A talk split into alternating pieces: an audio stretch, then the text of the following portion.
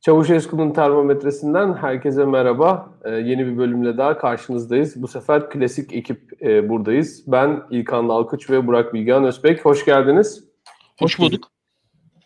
Ee, bugün Amerikan Amerika-Türkiye ilişkilerini konuşacağız dedik ama biz e, akşam programda ne konuşacağımıza karar verdikten hemen sonra Fransa boykotu meselesi ortaya çıktı. O da birazcık uluslararası ilişkilerle e, iç içe diye aslında onunla bir giriş yapalım istiyorum. E, Cumhurbaşkanı böyle bir boykot çağrısı yaptı. E, Macron'un Fransızların yaptığına e, cevaben yaptığını e, söylüyor. CHP'liler de bugün bir açıklama yaptı. İşte e, Macron madem e, böyle bir şey istiyor, Fransız mallarının e, şey yapılmasını istiyor, şey Türk mallarının boykot edilmesini istiyor. Türkiye'nin de böyle bir şey söyleme hakkı var diye. E, enteresan bir durum oldu yani CHP'liler de AK Parti'nin gerçi buna artık alıştık uluslararası düzlemde CHP'liler AK Parti ne derse onu söylüyorlar. Ee, ama bir yandan da sürekli dış politikada fail'ların olduğu, başarısızlıkların olduğu bir e, şeyin içine girdik, çemberin içine girdik, çıkamıyoruz. Ee, hem muhalefet politika üretemiyor hem de iktidar politika üretemiyor gibi duruyor. Ee, buradan başlayalım istiyorum. Ee, Bilgehan Hocam senden başlayalım istersen. Ee, nedir bu durum? Muhalefetin durumuna, tavrına ne diyorsun özellikle onu merak ediyorum. Ee, muhalefeti konuşuruz. Bu, bu Türk-Fransız ilişkileri gerçekten bir süredir sıkıntılı bir noktada seyrediyor. Özellikle Libya meselesinde Türkiye ve e, Fransa farklı e, taraftalar. E, ve e, Türkiye aslında Libya'da gerçekleştirmek istediği e, amaçları e, bir şekilde gerçekleştirebilirdi. Ancak karşısında tabii o işler o kadar kolay değil. Büyük bir diplomatik e, koalisyon yaratmayı başardı. Yani Mısır'dan Fransa'ya, İsrail'den Birleşik Arap Emirlikleri'ne e, büyük bir koalisyon oluştu. Yunanistan'dan Rusya'ya. E, dolayısıyla Fransa burada tabii çok önemli bir diplomasi yaptı. E, Libya'daki bütün taraflarla konuşabil, konuşabilen bir aktör e, olarak öne çıktı. E, Türkiye'nin Doğu Akdeniz politikasında önemli bir e, ne derler e, köstek oldu aslında Fransa. Buradan ilişkiler bir şekilde aslında soğumaya başlamış başlamıştı. E, gerilmeye başlamıştı daha doğrusu öyle söyleyelim. Daha sonra e, Macron'un İslam'ın kriz içerisinde olduğu açıklaması geldi. E, bu İslam'ın kriz içinde olması ve dünya üzerindeki Müslümanların bir sorgulama yapması gerektiğine dair bir beyanatta bulundu Macron. Bu tabii e, Erdoğan ve onun gibi düşünen insanların e, kendi medeniyetlerini e, sorgulamadan e, eşit muamele görme isteğinde oldukları için çok rahatsız olmasına sebep oldu. E, Fransa'da bir öğretmenin e, öldürülmesi, tabii buna Fransızların verdiği tepki ve oradaki Müslümanların sorgulanması, Avrupa'da İslam'ın sorgulanması, ardından da Sayın Cumhurbaşkanı'nın verdiği tepki işlerin bu noktaya gelmesini beraberinde getirdi. Ee, Fransa-Türkiye ilişkileri aslında e, bizim tahmin ettiğimizden e, yani çok daha nasıl derler e, bizim lehimize ilerleyen ilişkiler. Çünkü karşılıklı ticaret yapıyoruz ve bu ticarette ilginç bir şekilde fazla veriyoruz biz. Fransa'ya ihracatımız, e, ithalatımızın üstünde. Biz Fransa ile olan ilişkimizden kar elde ediyoruz. Türkiye'de birçok Fransız kurumu var aslında. Fransızlar tarafından kurulmuş, devam ettirilen e, kurum var ve e, birçok e, meselede e, şöyle söylemek gerekiyor. Türkiye Fransa ile beraber hareket edebilecek zemine de sahip. Özellikle Orta Doğu'da. E, ancak bu tercih edilmiyor. E, bunun tercih edilmeme sebebi de Türkiye'nin son dönemde belirlediği e, dış politika anlayışı. E, bu dış politika anlayışı ilginç. Bunu konuşuruz. Epey yazı çıkıyor bu konuda. E, akademisyenler de yazacaklardır. Bu dış politika anlayışı biraz revizyonist bir anlayış. Yani mevcut statükoyu tehdit eden, e, mevcut statükoyu diplomasi yoluyla da tehdit etmeyen, askeri çözümlerle tehdit eden bir anlayışa sahip. Bu da Türkiye'yi e, çeşitli zamanlarda farklı ülkelerle karşı karşıya getiriyor. Mesela Türkiye'nin İdlib politikası Türkiye'yi Rusya ile karşı karşıya getirebiliyor. Türkiye'nin Karabağ politikası da yine Türkiye ile Rusya arasında sorun oluşturuyor. Libya politikası Fransa ile Yunanistan'la, Rusya ile İsrail ile problemler oluşturuyor. Dolayısıyla Türkiye'nin Bu revizyonist politikası birçok ülkeyle problem oluşturuyor. Oluşturmaya da devam edecek açıkça söylemek gerekirse. Fransa'yı istisnai kılan şey Macron'un meseleyi jeopolitik düzlemden alıp daha medeniyet diskuruna çevirmesi ve Türkiye'nin de e, özellikle İslam medeniyetinin temsilcisi olarak kendisini e, lanse eden e, bunu da bir jeopolitik anlayışla aslında e, benimseyen yani jeopolitiğin de e, bundan faydalanacağını uman bir anlayışa sahip olduğu için tepki vermesi. E, bu e, tabii e, birçok açıdan inandırıcı değil Türkiye'nin verdiği tepki. İlk olarak Avrupa'da yükselen İslamofobi konusu doğru aslında. Avrupa'da bir İslamofobi yükseliyor fakat Adalet ve Kalkınma Partisi hükümetini rahatsız eden konunun İslamofobi olduğu kanaatinde değilim. Adalet ve Kalkınma Partisi'ni rahatsız eden konunun bunun Avrupa'da yükseliyor oluşu. Bu kanaatteyim. Çünkü hükümet bildiğiniz üzere daha önce Çin'de Müslümanlara yönelik e, uygulamaları kınayan kararlara imza atmadı. Doğu Türkistanlılar Türkiye toprakları içerisinde, Türkiye'nin egemenlik sahası içerisinde anayasayla kendilerine verilmiş olan barışçıl gösteri hakkını kullanamadılar. Ee, Türk hükümeti Çin hükümetiyle iyi ilişkiler içerisinde ve Çin'de yaşayan Müslümanların sorunları Türkiye kamuoyunda duyulmuyor. Türkiye bu meselenin bir tarafı değil ve Çin'de yükselen İslamofobinin, Çin'de yükselen Müslüman karşıtlığının bir tarafı değil. Hatta Erdoğan'ın etrafında topladığı, Sayın Erdoğan'ın etrafında topladığı Pakistan gibi, Azerbaycan gibi ya da e, Libya'daki e, Ulusal Mütabakat Hükümeti gibi yani Orta Doğu'nun çeşitli yerlerindeki grupların da Doğu Türkistan meselesine çok kayıtsız olduğunu görüyoruz. İlginç bir şekilde İslamofobiyle suçlanan Avrupa ülkeleri Doğu Türkistan konusunda yani Çin'de yaşayan Müslümanların fiziksel olarak saldırıda saldırı altında bulunmaları konusunda daha hassaslar.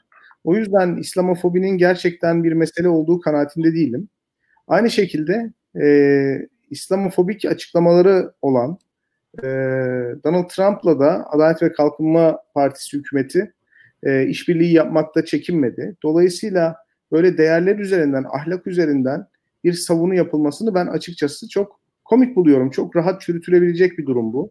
Eğer gerçekten hükümetin derdi İslam'ı savunmak olsaydı Çin'in de Müslümanlara yaptığı uygulamalara tepki gösterebilirdi.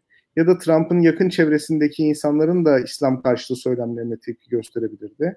Evrensel değerleri savunmak yerine, evrensel insan haklarını savunmak yerine Müslümanların veya göçmenlerin bu evrensel haklar kümesinden payını aldı, almasını düşünenleri savunmak yerine, onlarla işbirliği yapmak yerine Adalet ve Kalkınma Partisi Avrupa'da yükselen aşırı sağ partileri, popülist partileri görmekten ilginç bir memnuniyet duydu. E, hepimiz hatırlarız Avrupa'daki sol partiler ile e, Türkiye'deki e, İslamcı gruplar arasında aslında çok iyi ilişkiler mevcuttu. Türkiye'de Adalet ve Kalkınma Partisi'nin orduya karşı yürüttüğü mücadeleyi Avrupa Kolu destekledi. Çünkü evrensel değerler kümesinden bakıyordu o zamanlar. Halen de öyle bakıyor ama Adalet ve Kalkınma Partisi artık o noktada değil.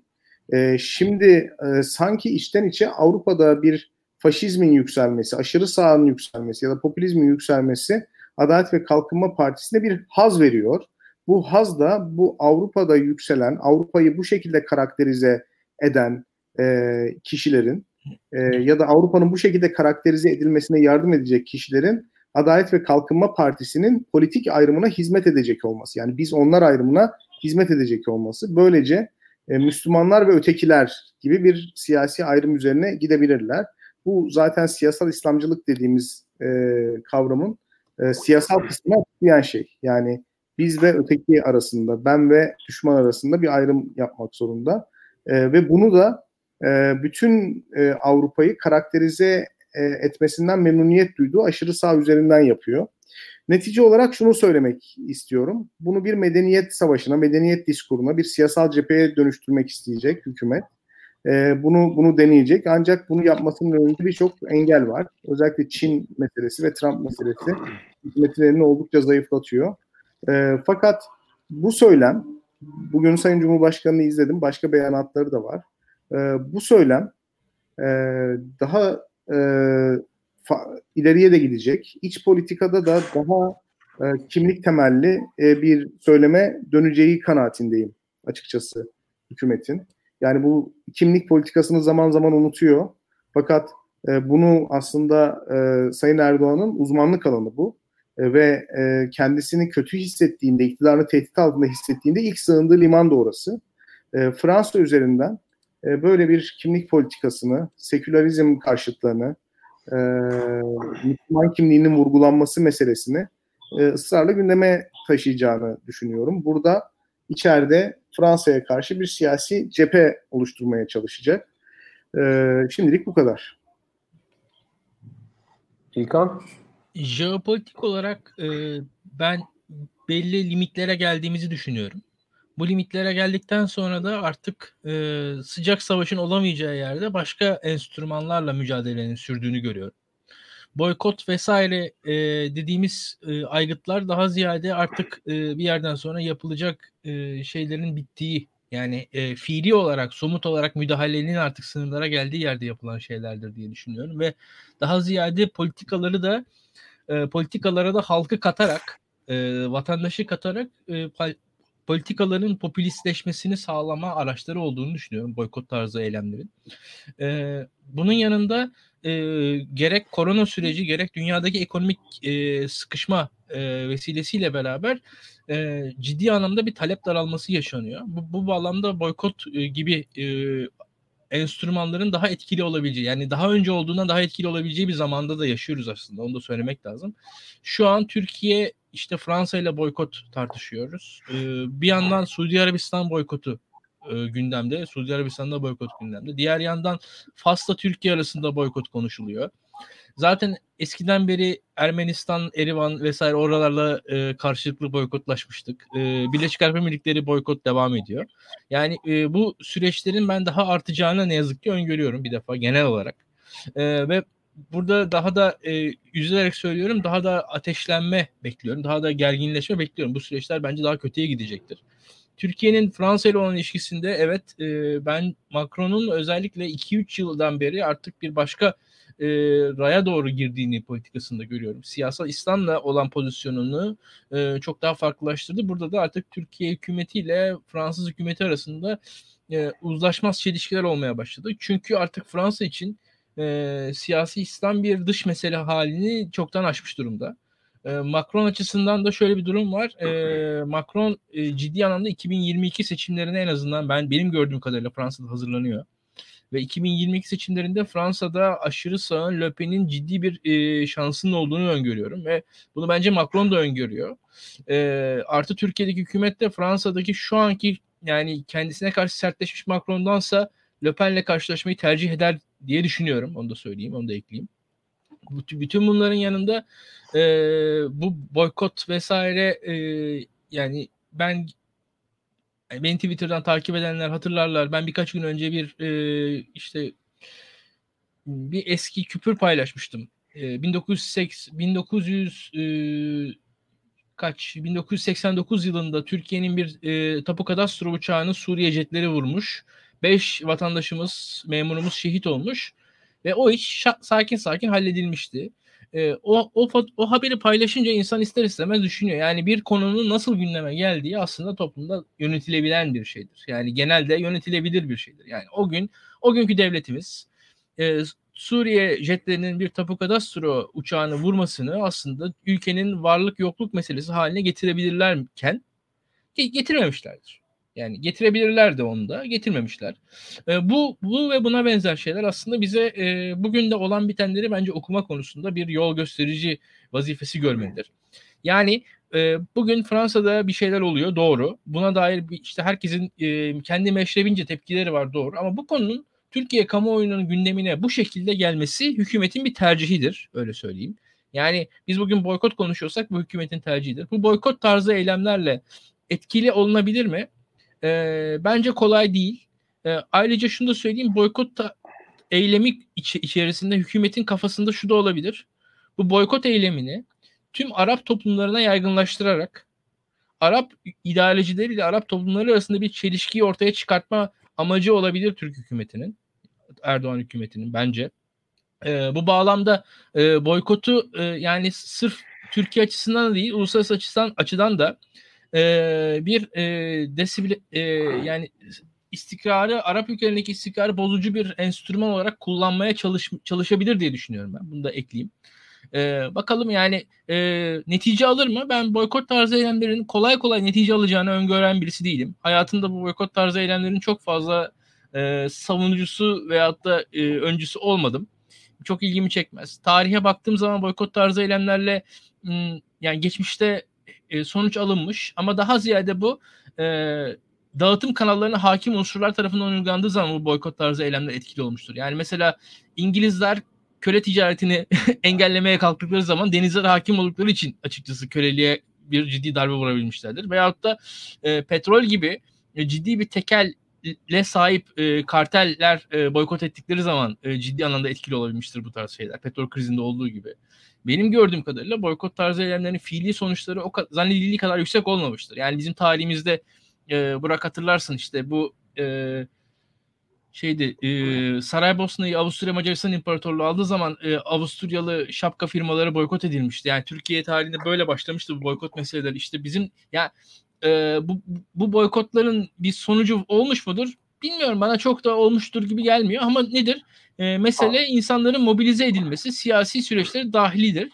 E, ve burada da AK Partililer muhtemelen özellikle Arap ülkelerindeki kamuoylarını mobilize etme kabiliyetlerini görmek, ölçmek de istiyor olabilirler. Onu da antiparantez eklemek istiyorum. Bakalım. Varsa öyle bir güçleri göreceğiz. Ya e, burada bir de şöyle bir şey var. Bir ahlaki bir tavır koyuyor ortaya AK Parti. Yani işte e, siz Müslümanlara İslamofobi vesaire vesaire işte bir, bir yanlış yapıyorsunuz Müslümanlara diye. Ee, dış politikada o revizyonist tavrı işte dünya beşten büyüktür, daha kapsayıcı bir e, Birleşmiş Milletler e, çerçevesi olmalıdır vesaire gibi çıkışlarla görüyoruz. Ama benim baktığımda gör yani böyle bir ahlaki tavırın hiçbir tutarlılıkla sürdürmeleri gibi bir durum yok. Tek istedikleri şey bu bu kimlik siyasetini e, daha e, kızdırabilecek hale getirmek, daha e, Fransız Fransa devletiyle Türk devleti arasındaki bu çekişmeyi kendi iç e, siyaset dinamikleri içinde kullanmaya çalışmak. Sanırım Macron da kendi iç siyaseti için böyle bir malzeme olarak kullanılıyor. Ama yani bizim zaten böyle bir boykot yapabilecek falan gibi bir durumumuz yok ki. İnsanların cebinde zaten 1 euro 10 lira olmuş abi. Kim e, Fransa'ya nasıl boykot yapamasın? Zaten Fransız malı almıyoruz. Alamıyoruz ki yani bir Renault araba almak, Citroen araba almak sıfır Renault arabalar 250 bin lira. Renault Clio'lar. Ya zaten boykotluk bir durum yok ortada. Bir de yani boykot yapabilmek için, boykotun bir işlevinin olabilmesi için büyük ülkenin boykot yapıyor olması lazım. Yani bizim Fransa'dan ticari fazlamız var. Benim e, muhalefetle ilgili en çok bu meselelerle ilgili en çok bozulduğum şey de bu oldu ya. Türkiye'nin dış ticarette ticaret fazlasının olduğu sayılı ülkelerden bir tanesi Fransa'ya. Yani absürt konuşacak, e, Babacan'ın dediği gibi çocukluk yapacak yer mi yani burası? Ben CHP'lilerden benim beklediğim mesela e, AK Parti'ye ya sen iç siyaset için bunu yapma. Fransa'ya e, Macron'a da sen de kendi iç siyasetin için Türkiye'yi meze yapma bak burada ne kadar fazla ortaklıklarımız var demesi muhalefetin bunu e, iktidara ve Fransa'ya bunu hatırlatmasıydı. Onun yerine böyle e, gerçekten Babacan'ın açıklamasını çok şey buldum ben. Yani Babacan'ın söylediği gibi çocuk çocuk işler yani. Yani bu böyle saçma sapan bir durum var. Bu muhalefetin pozisyonuyla ilgili söyleyeceğiniz bir bir şey yok mu? Ben e, en çok onu önemsiyorum. Ben e, boykot çağrısını Milliyetçi Hareket Partisi'nden beklerdim. Bu e, benim zihnimi e, meşgul etmezdi, karmaşıklaştırmazdı. Tutarlı da olurdu. Çünkü Milliyetçi Hareket Partisi hükümetin bir parçası değil. Siyasi bir parti ve siyasi sorumluluğu yok. Siyasi yetkisi de yok. Benim burada e, garipsediğim e, devlet başkanının e, dernek başkanı gibi davranıp boykot çağrısı yapması. Abi orada e, özellikle bence şöyle bir şey var Burak. E, Arap ülkelerinin kamuoyları da hedefleniyor bence. Bir niyet o olabilir. Yani e, Arap ülkelerinin kamuoylarındaki güçlerini görmek istiyorlar. Yani Suudi kamuoyunda biz boykot çağrısı yaptığımızda ne kadar insanı mobilize edebiliriz? Yani Suudi halkında. Dubai'de bizim boykot çağrımız üzerine ne kadar kişi e, harekete geçer? Çünkü muhtemelen şu yani eğer bir, yarın bir gün istatistik olursa yani mesela Abu Dhabi'deki Danone satışları %30 düşerse bu bunu Tayyip Erdoğan kendi başarısı olarak ortaya koyar diye düşünüyorum. Yani bu öyle öyle öyle öyle diyorsun ama e, İlkan bak şöyle bir şey var. Şimdi hükümet şunu da söylüyor. Avrupa Müslümanlar için tehlikeli bir yer haline geldi diyor. Fakat bugün Orta Doğu coğrafyasında, Anadolu coğrafyasında, hatta genişletelim Orta Asya coğrafyasında yani Müslüman coğrafyada Avrupa'da vatandaşlık vereceğiz ve burada yaşamak yaşama fırsatını size vereceğiz dediğiniz zaman insanların büyük çoğunluğu bu bölgede yaşamak için gidecek. Yani Avrupa malı kullanmak bir tercih değil. Hani siz mesela çocuğunuz var ve biberon alacaksınız. Ee, çocuğu olanlar bilir. E, telaffuzu yanlış olabilir ama Chico diye bir marka var tamam mı? Hı hı. Şimdi bu Fransız markası olduğunu biliyorum. Bunun bir alternatifi yok. Tamam mı? Ne alırsanız bundan alıyorsunuz. Yani Fransız markası kullandığınız için şükrediyorsunuz. Yani Fransızlar bunu üretmiş. Anlatabiliyor muyum? Mesela Danone marka yoğurt var. Danone marka yoğurdun kendi mahalle bakkalına gelmesi için Orta Doğulular mahalle bakkalından ricada bulunuyor da olabilirler. Ben Orta Doğu'yu az buçuk gezmiş görmüş birisi olarak söylüyorum. Batılı malların satıldığı süpermarketler türbe gibidir. Hı hı. Yani halkın kendini iyi hissettiği yerlerdir oralar. Irak Kürt bölgesinde bir süpermarkete gitmiştim. Ee, inanılmaz bir e, rağbet vardı. İnsanlar inanılmaz derecede mutluydu orada bulundukları için. Kendilerini medeni dünyanın parçası hissettiği yerler oralar çünkü. Hani Türkiye'de bu alışveriş merkezlerinin ilk açıldığı zamanı düşünün. 90'ların başında. Yaygınlaştığı zamanı düşünün. Orası sizin işte medeni dünyanın bir parçası olduğunuzu hissettiğiniz bir yerdi. Dolayısıyla e, hali hazırda batılı malları tüketmeyen insanların boykotundan dolayı bunun bir sonuca ulaşacağı kanaatinde açıkçası değilim. Yani Orta Doğu halkları için Fransız mallarını kendi marketlerinde, piyasalarında görmek açıkçası iyi bir şey. Bu onların arzu ettiği bir şey. Bu şuna benziyor. Ee, hani çevreciler baz istasyonuna karşı eylem yapıyorlar ya. E, köylüler de istiyor öte taraftan. Yani şehirde yaşayan adam e, köylere baz istasyonu kurmayın diye eylem yapıyor ama köylüler acil durumda ulaşabilmek için ya da internete kavuşabilmek için baz istasyonunu getirip köylerin ortasına dikme taraftarı. O yüzden hani Orta Doğu'da o kadar geniş bir yankı bulacağı kanaatinde değilim. Ee, Türkiye'nin devlet olarak bir tavır alması, eğer gerçekten bu konudan çok rahatsızsa, bir devlet politikası varsa, devlet başkanının bu konuda bir tavır alması ve Fransa ile karşılıklı boykot e, yerine karşılıklı ticareti sınırlandırma, ticareti durdurma gibi kararlar alması gerekiyor. Bakın burada popülizmden bahsediyoruz. Biz fark, farkında mısınız? Devlet adamlarının çok kafamızda kutsallaştırdığımız bir devlet kavramı var. Böyle kadiri mutlak, her şeye aklı yeten, hepimizin aklından daha üst, derin koridorlarda insanların bizim bilmediğimiz bilgilere haiz olduğu bir devlet varsayıyoruz. Fakat bu devlet her kötü duruma düştüğü zaman kendisini kurtarması için vatandaştan yardım istiyor. Şimdi eğer ülkeyi yönetme işini vatandaş yapacaksa, yani darbeyi vatandaş önleyecekse, doları dolarlarını bozdurup vatandaş düşürecekse, ekonomik krizi yastık altındaki altınını bozdurup vatandaş önleyecekse, işte Fransa ile olan ikili ilişkilerimizde Fransa'ya gerekli tepkiyi vatandaş boykot yaparak gösterecekse, burada devlet idaresinde olmanın ne anlamı var? Şimdi bir şey ekleyebilir miyim ben? Ee, Macron'un e, bu arada anlatmak gerekiyor. E, bir Akdeniz siyaseti de var. Bu Sarkozy'den gelen e, bir Fransa'nın Akdeniz siyasetini Macron birazcık daha farklı da yorumladı bence. Daha iyi yorumladı Hı. hatta.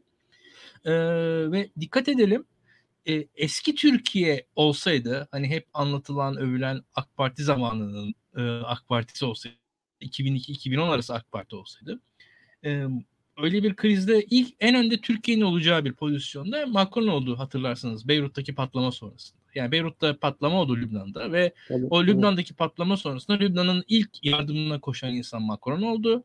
en e, kameralar Macron'u gösterdi. Macron dünyada o e, zor durumdaki Lübnan'ın kurtarıcısı olarak öne çıktı. E, biz Türkiye'de bundan memnun olmadık. E, bizim Sayın Başkanımız oraya gitmedi. Bizim Cumhurbaşkanı yardımcımız gitti. Nispeten daha düşük profilde bir e, orada Türkiye varlık gösterdi. Bu hükümetin aslında e, olmayı çok sevdiği anlardan birisidir bu. Yani AK Parti tecrübesinin hani o Beyrut'ta büyük patlama olur. Oraya yardıma gidersiniz. Siz çok güzel pozlar verirsiniz. Tüm dünya sizden sitayişle bahseder. Yani klasik olarak yapı, yapılan bir şeydir bu yani. Baktığın zaman hani çok net e, aynı patlamayı 2006'ya götür. E, anında oraya kafandaki e, tabloyu çok rahat çizebilirsiniz. Yani hani o, o, şey, o şeyde ama bu son patlama dikkat edin çizemedik onu. Yani Türkiye orada e, arka planda kalan ikinci sınıf hatta üçüncü sınıf bir ülke gibi pozisyon alabildi. Yani o Lübnan patlaması sonrasında Türkiye e, ciddi bir ülke olarak yani işte kendi limanlarını Lübnan için kullanmaya açarak oraya ciddi insani yardım yaparak falan e, bir şeyler yapmaya çalıştı ama arkada kaldık açıkçası. E, ki şunu da söyleyeyim. Dünyada bu işlerin en öncüsü olmasını bekleyen ülke Amerika'dır. Amerika zaten Trump'la beraber iyice bambaşka bir yere çıktığı için e, başka ülkeler alan açılmıştır. Ve henüz Lübnan'a da Çin'in e, gücü yani nefesinin yettiği yerlerden birisi değil. İleride belki oraya da yeter ama e, şu an Türkiye açısından bir alan da orası. O alanda şu an Fransa net bir şekilde kendini gösterdi ve Türkiye bundan rahatsız oldu. Yani ben bizim e, akademisyenlerin özellikle senin çok iyi bildiğin akademisyenlerin diyeyim Burak Bilgehan. Yani bu Türkiye'nin güvenlik establishment'ıyla yakın yerli milli akademisyenler bir anda anti-emperyalist çizgide Fransa eleştirmeye başladılar. O anda hani e, ciddi ciddi e, sosyalist akademisyenlere dönüştüler. hani emperyalizm eleştirileri falan görmeye başladım. Bu Ankaralı e, devletli akademisyenlerimizden o Fransa'nın gösterdiği performans sonrasında Lübnan'da diye, diyebilirim.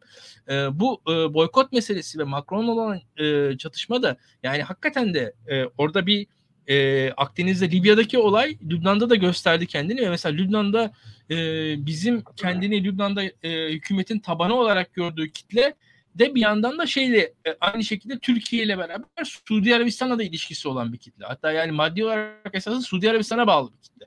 Şimdi Suudi Arabistan'la da bu hükümetin meselesi olduğu için aslında bir e, sıkışmışlığı var. Yani Lübnan'da mesela Macron'a karşı kendi hani Macron oradaki Maruni kitleye kendini dayayarak Lübnan'daki kendisini çok yüksek derecede gösterebilirken Türkiye kendini oradaki Lübnan'da Sünni kitleye dayatar, dayayarak gösteremedi aslında. Ama bunu e, bu tarz popüler e, yaklaşımlarla, boykot gibi yaklaşımlarla oradaki Sünni kitleyi tekrar kendi yanına çekeceğini umuyor diye düşünüyorum. Bunu da ekleyeyim yani. Tabii bunu düşünüyor olabilir. Çok başarılı olacağının kanaatinde değilim. E, İslamcıların kafasında halktan kopuk elit ve gerçekten o memleketin e, kaynaklardan mahrum kalmış öz evlatları dikotomisi var. Halen daha bu var. Bu böyle değil. Devlet güçlü bir şeydir. Devlet vatandaşın rızasını üretir. E, devlet milliyetçiliği manipüle eder. Milliyetçiliği kullanarak e, kendi ulus devleti içerisinde, egemenlik sahası içerisindeki vatandaşı kendisine bağlar. Yani kendi ülkesindeki vatandaşın Türkiye e, taraftar olmasını, kendi başkentinden ziyade Ankara'ya bakmasını istemez. Bakın Avrupa'nın meselesi de aslında biraz budur. Adalet ve Kalkınma Partisi'nin Avrupa'daki İslami gruplarla ilişkisine bakınca. Adalet ve Kalkınma Partisi'nin Orta Doğu'daki kendi e, ideolojisine yakın gruplarla ilişkisine bakınca da mesele budur. O ülkelerin başkentlerini, o ülkelerin egemenlik sahalarını tehdit eden bir politika izleniyor şu anda. Dolayısıyla kendi egemenlik sınırındaki insanların asıl sadakatinin yaşadıkları ülkeye değil de Türkiye'ye olması, Türkiye'den e, gelen ulus aşırı bağların bu ülkedeki insanların örgütlenmesine yardım etmesi ve politik bir aktöre dönüşmesi ne Avrupa'da ne Orta Doğu'da herhangi bir devletin arzu ettiği bir şey değil. Yani Hollanda vatandaşı insanların, Hollanda vatandaşı Müslümanların örgütlenip bir parti kurması, Türkiye'nin bu partiyi desteklemesi, siyasi olarak veya mali olarak desteklemesi ve Hollanda siyasetinde bir aktör olarak öne çıkması Hollanda devletinin ne kadar e, küreselleşmeye kendisini adasa da kabul edebileceği bir şey değildir. Başka bir ülkenin Hollanda siyaseti içerisinde etkili olması anlamına gelir. Yine Suudi Arabistan ne kadar otoriter olursa olsun Hollanda'dan çok farklı bir rejimden bahsediyoruz. Kendi egemenlik sahası içerisinde bir takım insanların örgütlenip Türkiye'nin siyasi önceliklerine göre Suudi Arabistan'da siyasi faaliyet göstermesine izin veremez. İzin veremez. Ya, e, Bizim ya bu söylemem lazım.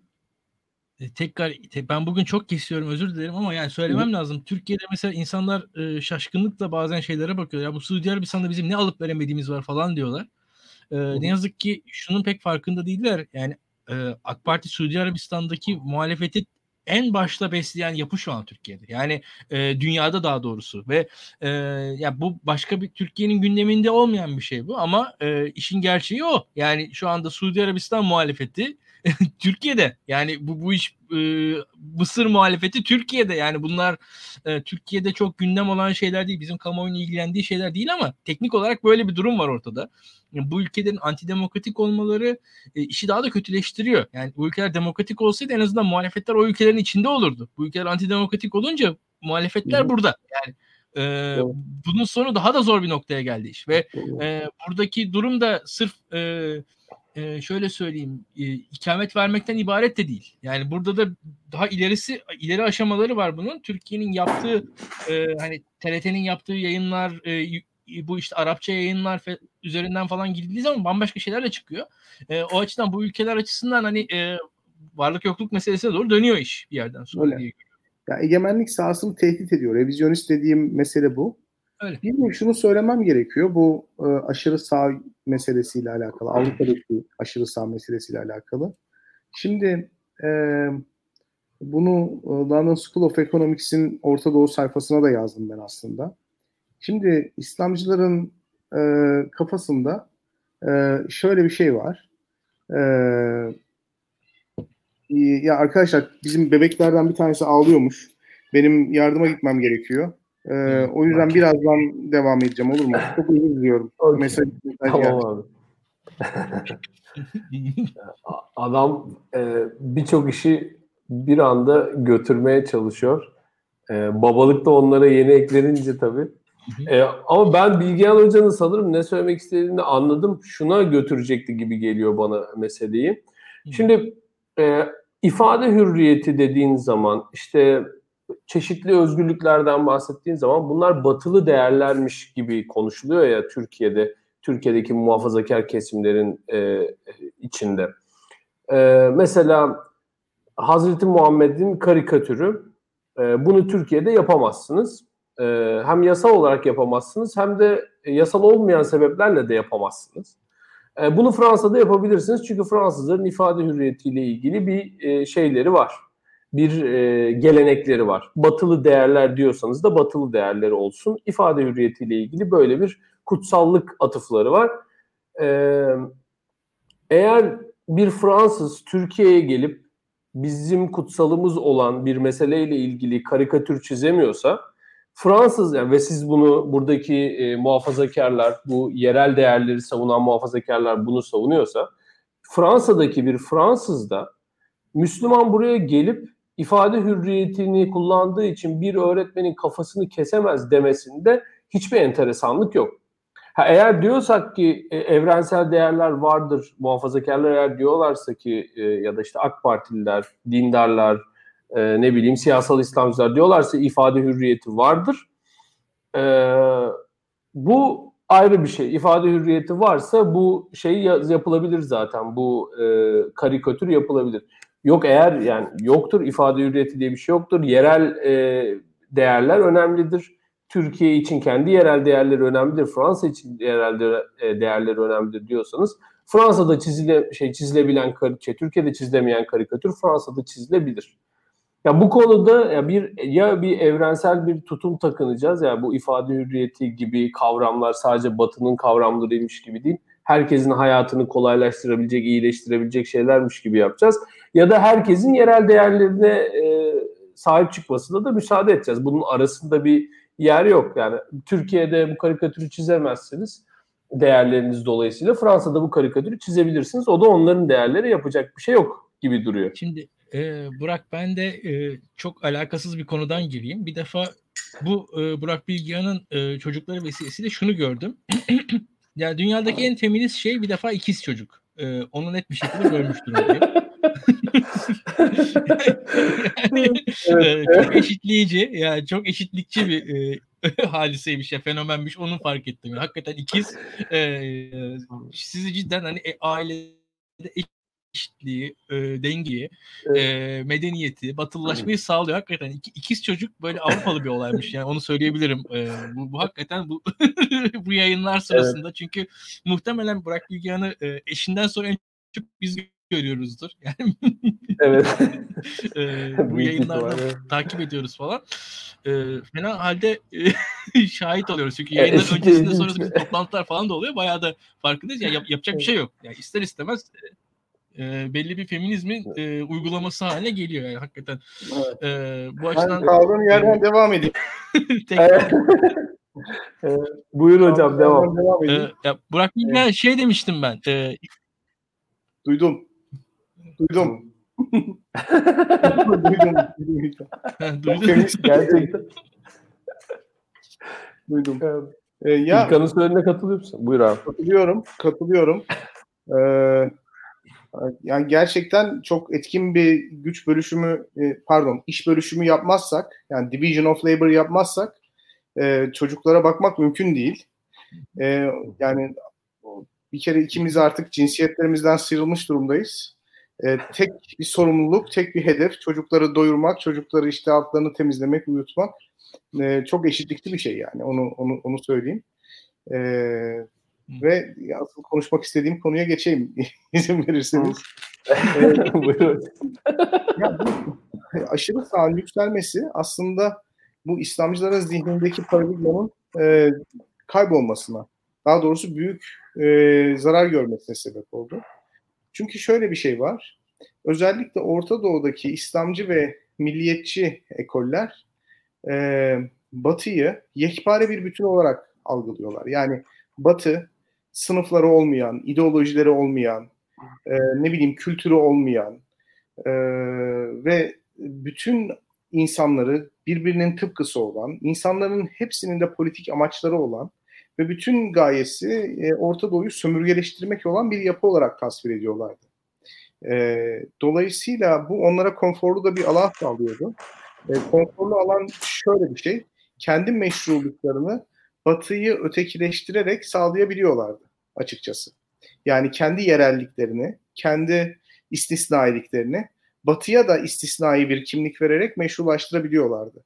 Bu e, demokrasinin aslında evrensel bir değer olmaması, Avrupa'yı bir değer olması kavramını da beraberinde getiriyordu. Ya da liberalizmin ya da insan haklarının evrensel bir değer değil, Avrupa'ya özgü bir değer olduğunu iddia etmelerini de beraberinde getiriyordu. Dolayısıyla onların kendilerine has medeniyet vurgusu da epey e, rağbet görüyordu.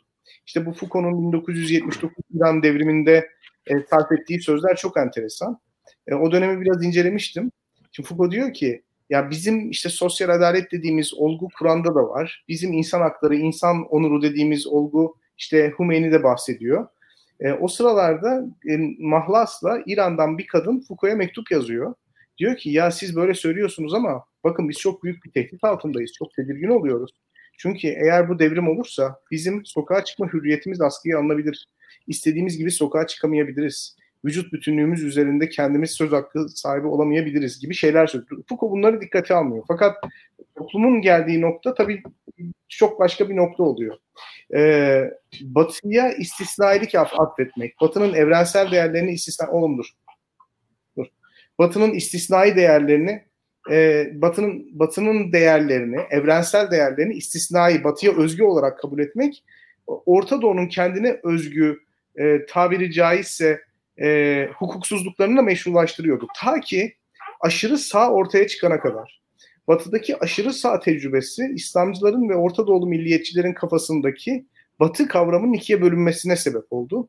Ve onların aslında yıllardır abartarak aşırı bir şekilde tasvir ettikleri Batı'nın aslında aşırı sağ olduğunu gördüler. Yani Batı'nın kendine özgü kültürü, Batı'nın kendine özgü değerleri, Batı'nın kendine özgü istisnailiği olduğunu iddia eden aşırı sağın ortaya çıkması aynı zamanda Orta Doğu'daki e, İslamcıları ve milliyetçileri de boşa düşürdü. Çünkü Batı'da yükselen aşırı sağcılara karşı gerçekten evrensel değerleri, küresel değerleri savunan insanların varlığını da gördüler. Fakat ilginçtir ki, şunu söylemek istiyorum, bu İslamcılar ve milliyetçiler için, Orta Doğu'daki İslamcılar ve milliyetçiler için bir ikilem yarattı. Bu ikilem e, şunu söylüyor, e, onlar için aslında çok büyük bir tuzak. Eğer onlar Avrupa'da yaşayan Müslümanların haklarından, hukuklarından, yaşama hürriyetlerinden e, bahsetmek istiyorlarsa mutlaka aşırı sağ karşıtı evrensel bir dil konuşan insanların diskurunu benimsemek zorundalar ya da onların fikriyatını benimsemek zorundalar. Onu benimsedikleri zaman kendi kendine de bunu yansıtmak zorundalar. Yani bugün Adalet ve Kalkınma Partisi ötekiyle yaşama savunusu yapıyorsa Avrupalılara yani kendileri gibi olmayanlarla bir arada barış içerisinde yaşama savunusu yapıyorsa kendi idare ettiği ülkede kendisi gibi olmayanların hakkını hukukunu da teminat altına almak zorunda. Yani yaşam tarzı olabilir bu, inanç olabilir bu, ideoloji olabilir bu. Onların da e, yaşam tarzını garanti altına almak zorunda. Yok eğer e, Adalet ve Kalkınma Partisi gibi gruplar ya da Orta Doğu'nun İslamcı ve milliyetçi grupları e, radikal İslam e, özür diliyorum aşırı sağ grupların varlığından içten içe bir memnuniyet duyuyorlarsa bu onların Avrupalı Müslümanlara yaptıkları büyük bir ihanet anlamına gelir. Böyle bir ikilem içerisindeler. Böyle bir ikilem içerisindeler. Yani Avrupalı Avrupa Birliği'nin Türkiye'ye e, Türkiye'ye önerdiği evrensel hukuk, demokrasi, insan hakları, azınlık hakları gibi önerileri elinizin tersiyle iteceksiniz. Yani evrensel değerleri elinizin tersiyle iteceksiniz. Avrupa Birliği içerisinde bu değerleri eleştiren, bu değerlere karşı çıkan, Avrupa'nın kendi kültürel değerlerini, istisnai değerlerini savunan insanların iktidarını destekleyeceksiniz. Bundan içten içe mutlu olacaksınız ve günün sonunda Avrupa'da İslamofobi yükseliyor diye gelip iç politikada ağlayacaksınız. Bu neresinden bakarsanız bakın tutarsızlık. E, tutarsızlık ama e, ben şu aşamada bu çelişkinin e, görmezden gelindiğini düşünüyorum.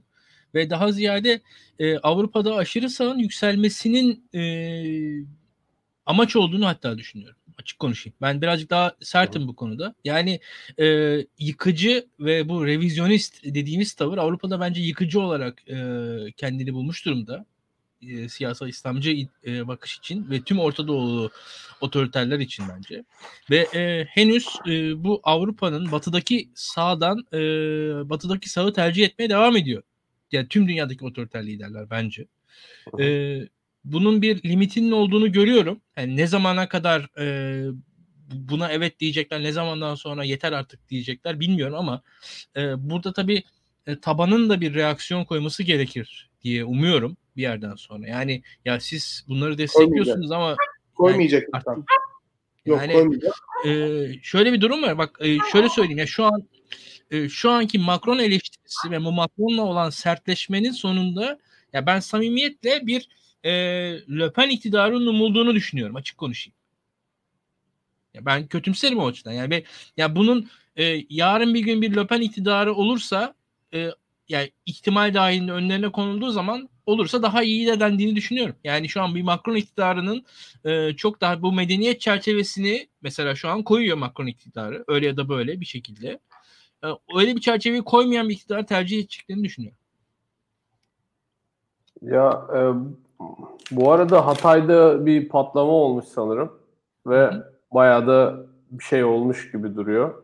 Emniyet amirinin neyse yani emniyet amirine saldırı olduğunu söyleyenler falan var Twitter'da. Tabii yani böyle bir konfirm edilmiş, doğruluğu netleşmiş bir bilgi değil ama e, garip garip haberler geliyor. Ne olduğunu bilmiyorum. Şu anda konuşacağımız kadar bilgi yok elimizde anladığım kadarıyla. E, pek bir şey yok gibi yazmış birisi de. E, zaten Fransa ile başladık daha Amerika'ya gelemedik.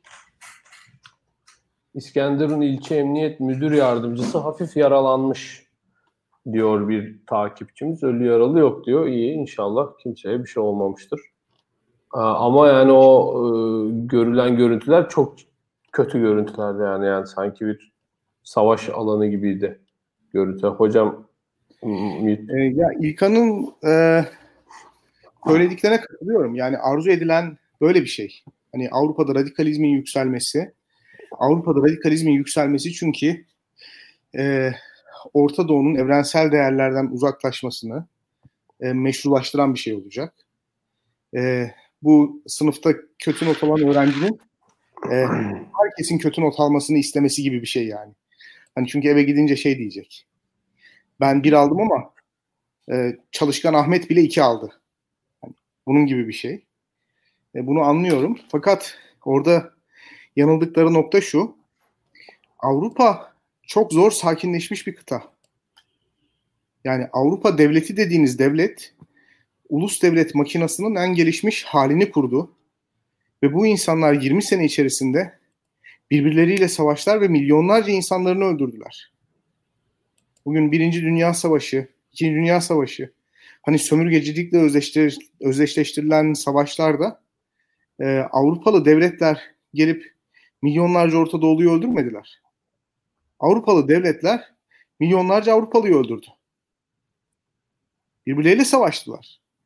Şimdi Avrupa çok zor sakinleşmiş bir kıta.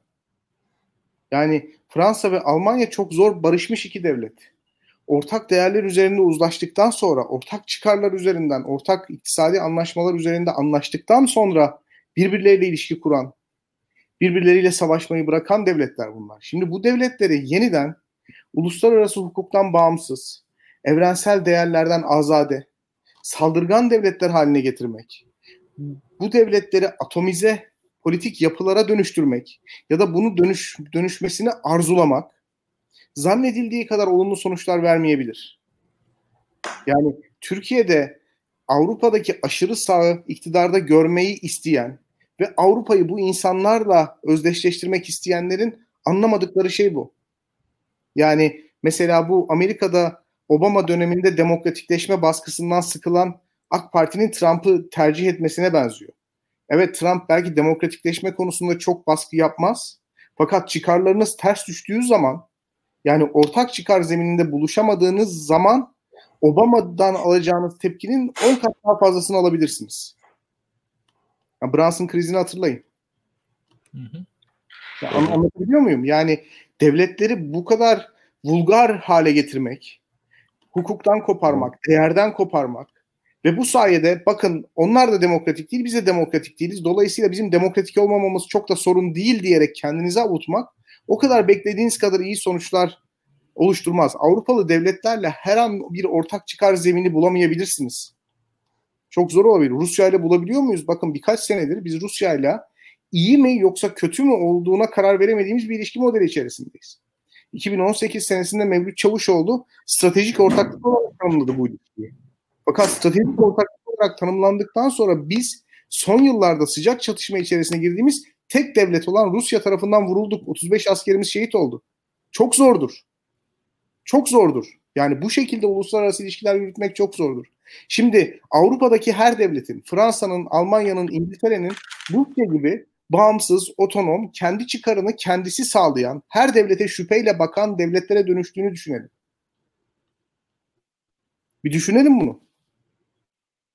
Yani Türkiye Cumhuriyeti'nin toprak bütünlüğü, Türkiye Cumhuriyeti'nin güvenliği biraz da Avrupa devletlerinin uysallaşması, Avrupa devletlerinin sakinleşmesi ve bu devletler Türkiye Cumhuriyeti'nin ortak güvenlik paktlarına girmesi sayesinde temin edilmiştir.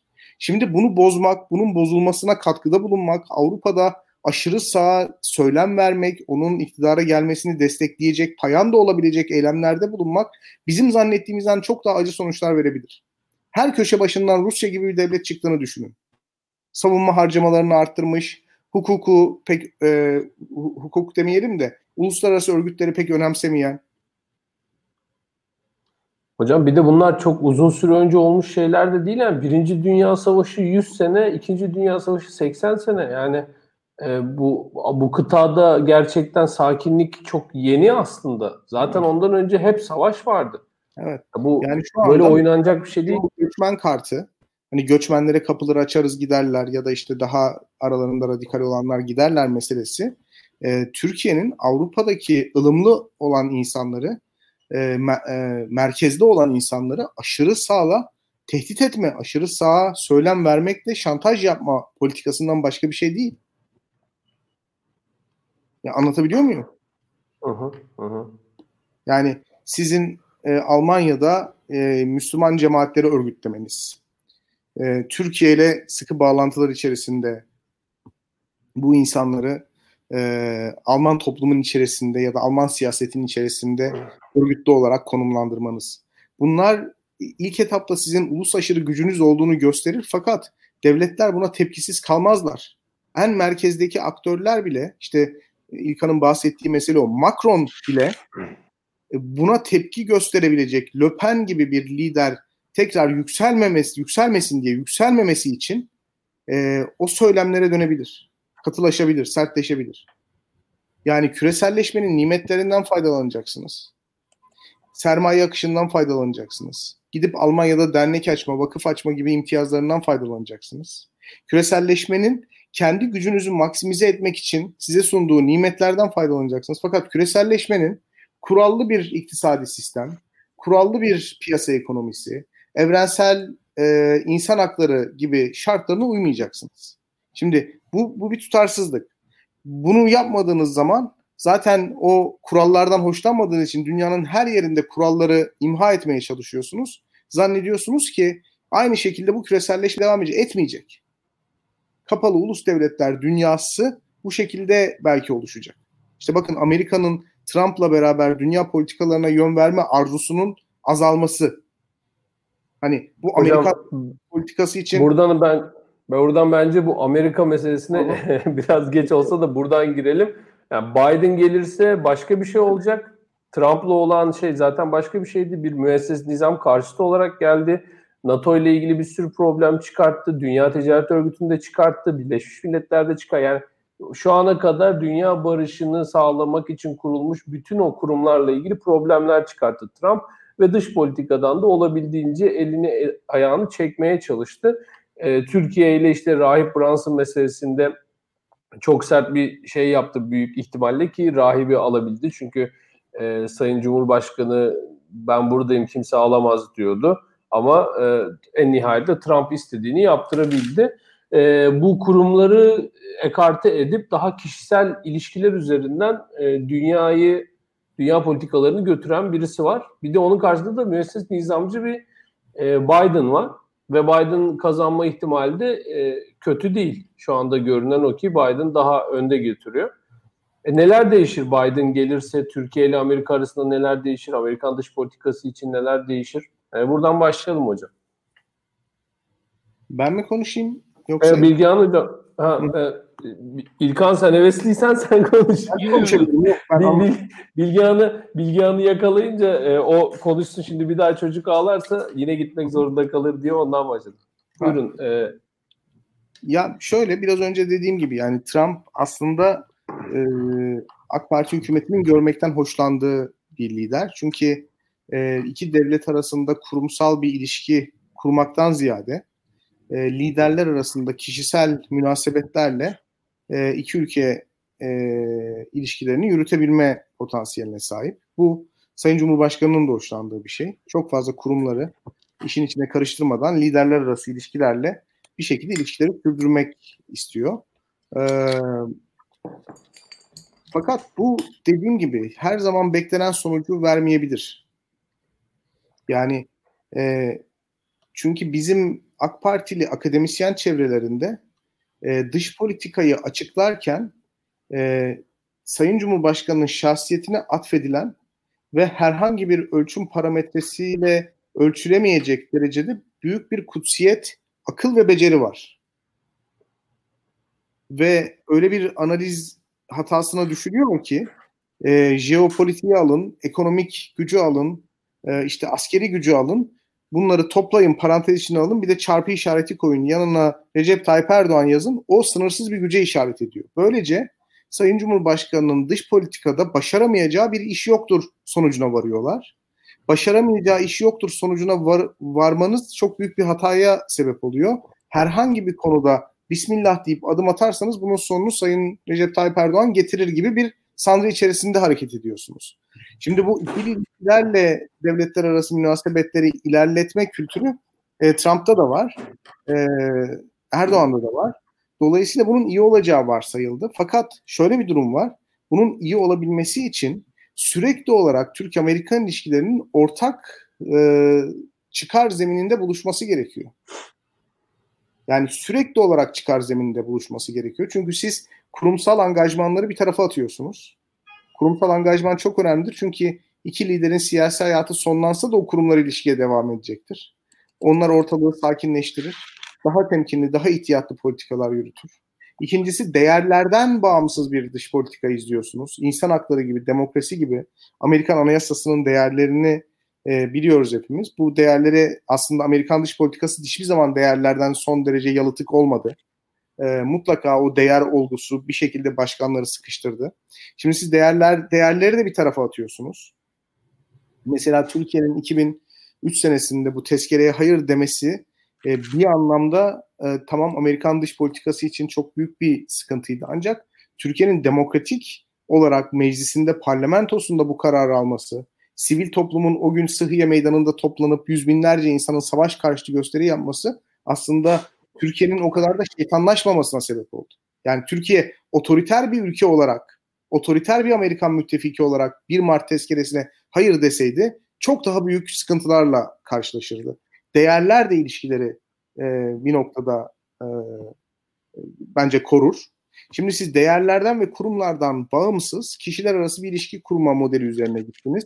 Ve fakat bunu devam ettirmeniz için sürekli olarak aynı çıkar zemini üzerinde buluşmanız gerekiyor. Buluşamadığınız zaman yani ülkeleriniz bu çıkar zemininde buluşamadığı zaman bir taraf kendi ülkesinin çıkarından taviz verme adına ilişkiyi sürdürme yoluna gidiyor. Ve Türk-Amerikan ilişkileri mevzu bahis olduğunda bunun hangi taraf olduğunu söylemeye gerek yok bana sorarsanız. Şimdi Biden geldiği zaman bu ihmal edilen kurumsal ve değerler üzerinden tanımlanan ilişki modeli geri gelecek. Benim kanaatim odur. Yani Trump eğer kalırsa kişisel ilişkiler sürecek ama eğer Biden kazanırsa Türkiye Cumhuriyeti tekrar kurumlarıyla Amerikan kurumları arasında ilişki kurmak için çaba sarf etmek zorunda. Hatta büyük bir enkaz var. Bunu adım adım ilerletmek, adım adım inşa etmek zorunda. Ee, Amerika Birleşik Devletleri'nin Ankara Büyükelçiliği yeniden muhatap alınmak zorunda. Dışişleri Bakanlığı yeniden muhatap alınmak zorunda. Ee, askeri kurumlar birbirleriyle yeniden bir ilişki modeli geliştirmek zorunda kalacak. Bununla birlikte Biden e, ekibindeki profillere baktığımız zaman Türkiye'den demokratikleşme reformları talep edebilir.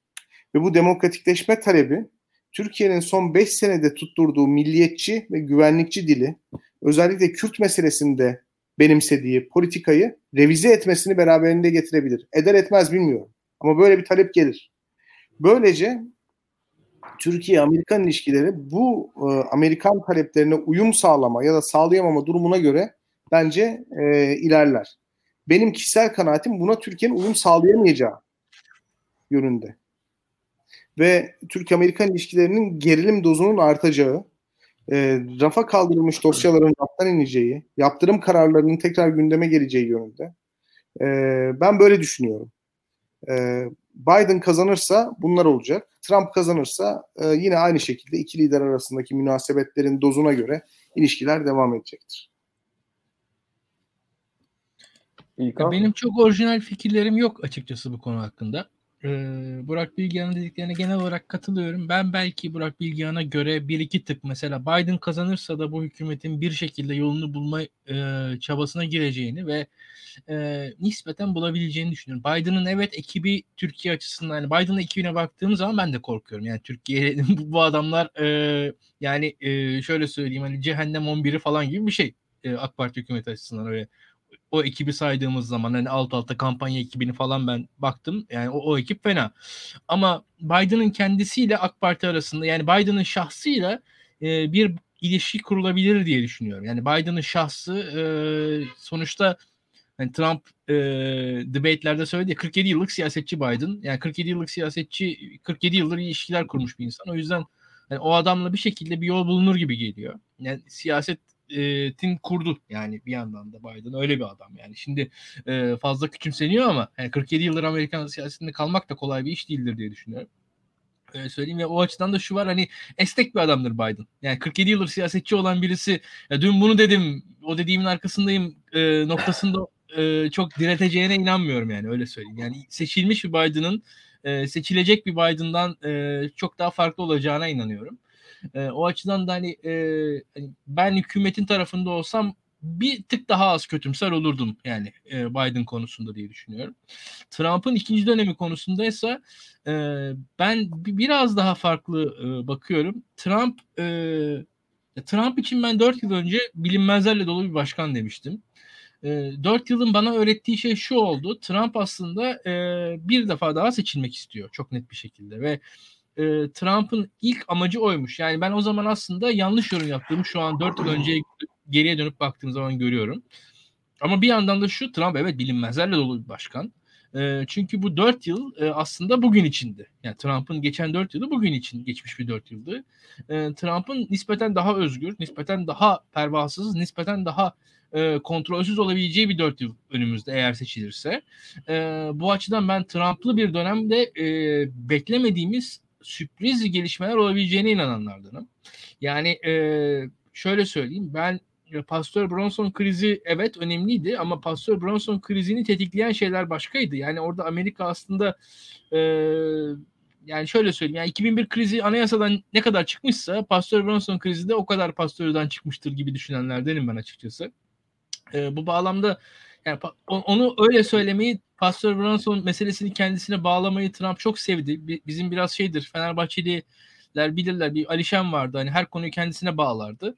Ee, öyle bir adam Donald Trump zaten yani. yani her meselede e, aslan payını kendisine almayı bilir. Yani bir konuda yani sahada 100 kişi bir mücadele eder. O mücadeledeki yani asıl mücadelenin kendisi olduğunu söylemeyi seven bir adam e, Trump. Öyle söyleyeyim. O açıdan e, bakalım yani ben birazcık daha ikisinde de e, Burak Bilgehan'dan ayrışıyorum öyle söyleyebilirim. E, Türkiye-Amerikan ilişkilerinin ama e, dediğim gibi sıkıntısı şu. ilkeler üzerine tam anlamıyla oturmadı. Makroekonomik e, dengeler, IMF politikaları ve e, ordular arası ilişkiler üzerinden e, giden nispeten ilkesiz bir Türk-Amerikan ilişkileri e, geçmişi oldu. Daha önceki yayınlarda biz bunu konuştuk. E, bu ilişkiler ekonomik ve demokratik bağlama oturana kadar yani ilkeler ve e, ekonomiye oturana kadar Türk-Amerikan ilişkileri yani Türk şirketleri Amerikan şirketleri arasında derin ve e, yoğun ilişkiler kurulana kadar artı Türk e, halkıyla Amerikan halkı arasında demokratik ilişkiler kurulana kadar yani demokratik e, ne diyelim ilkeler bağlamında bir ilişki kurulabilene kadar yani Türkiye demokrasisiyle Amerikan demokrasisi eş kabul edilene kadar e, ne yazık ki e, sıkıntılı ilişkiler olacaktır diye düşünüyorum. Bu da e, yani bir ilkesizlik, bir e, ne diyelim e, bir çirkinlik en azından bu ilişkilerde hep olacaktır diye düşünüyorum. E, kötümserim o açılardan. E, bugün Amerika'nın dünya e, siyasetinden nispeten geriye çekildiği zamanları yaşıyoruz. Bu geriye çekiliş Türkiye gibi Orta Doğu ülkeleri her yerde alanlar açtı. Yani bugün Fransa Orta Doğu'da daha etkin, işte Afrika'da daha etkin, atıyorum Hindistan Güney Asya'da daha etkin. Japonya bundan 30 sene önceki Japonya yani o kadar ekonomik kötü büyükken yaşlanmış olmasına rağmen 30 önceki Japonya çok daha etkin ulusları var. Bugün bakalım Brezilya çok daha etkin bir ülke. Bunların hepsinin arkasında biraz biraz Amerika'nın geri çekilmesinin e, yattığını herkes görebiliyor. Türkiye de aslında bu bağlamda önüne alanlar açılmış bir orta boy, orta büyüklükte bir ülke. E, Türkiye bunları bazen kullanıyor. E, doğru kullandığı zamanlar oldu. Yanlış kullandığı bence çok zaman oldu. E, Türk-Amerikan ilişkileri de bu bağlamda aslında çok fırsatlar barındıran ilişkiler. Yani Türkiye'nin demokratik tecrübesi, Türkiye'nin ordusu, Türkiye'nin e, sivil toplumu, e, Türkiye'nin girişimci nüfusu aslında Amerika ile çok fazla ortaklık e, şansı ortaya koyuyor. Ki Amerika'nın mesela Çin'le yaptığı rekabet Türkiye-Rus-Amerika ilişkileri açısından e, cidden anlamlı. Çünkü Türkiye hani e, özellikle Orta Doğu'da ve Afrika'da hatta Avrasya coğrafyasında Amerika'nın Çin'le rekabetine ekonomik bağlam sağlayabilecek bir güçte ülke aslında. Yani e, korona sonrası dünyada Türkiye'nin önünde çok fırsat var diye düşünüyorum ben. Tedarik zincirlerinin dünyada çeşitlenmesini Amerika isteyecektir. Ticaret savaşı bağlamında isteyecektir. Türkiye'nin önünde çok fırsat var. Bunlar kullanılabilir mi? Bence zor. Çünkü şöyle söyleyeyim. ilişkileri siz eğer e, IMF bağlamında e, makroekonomik politikalar bağlamında veyahut da e, ordular arası ilişkiler bağlamında tutarsanız ilkeler bağlamına gelmezse, ekonomi bağlamına gelmezse bu ilişkiler e, bu fırsatlar da kaçar diye düşünüyorum. Hocam e, bu fırsatların kaçmasının dışında bence asıl mesele dünya siyasetinden bu kadar çekilmiş bir Amerika'nın yarattığı boşluğu Çin'in ve otoriter diğer otoriter orta ölçekli rejimlerin doldurmaya çalışacak olması. Ee, o e, asıl bizim değerlerimiz bir de o değerlerle yakınlaşmaya başlasa çünkü bir otoriteryen promosyonluğu da e, var. Bu bu rejimlerin mevcut e, işte Çin'in, Rusya'nın yaptığı.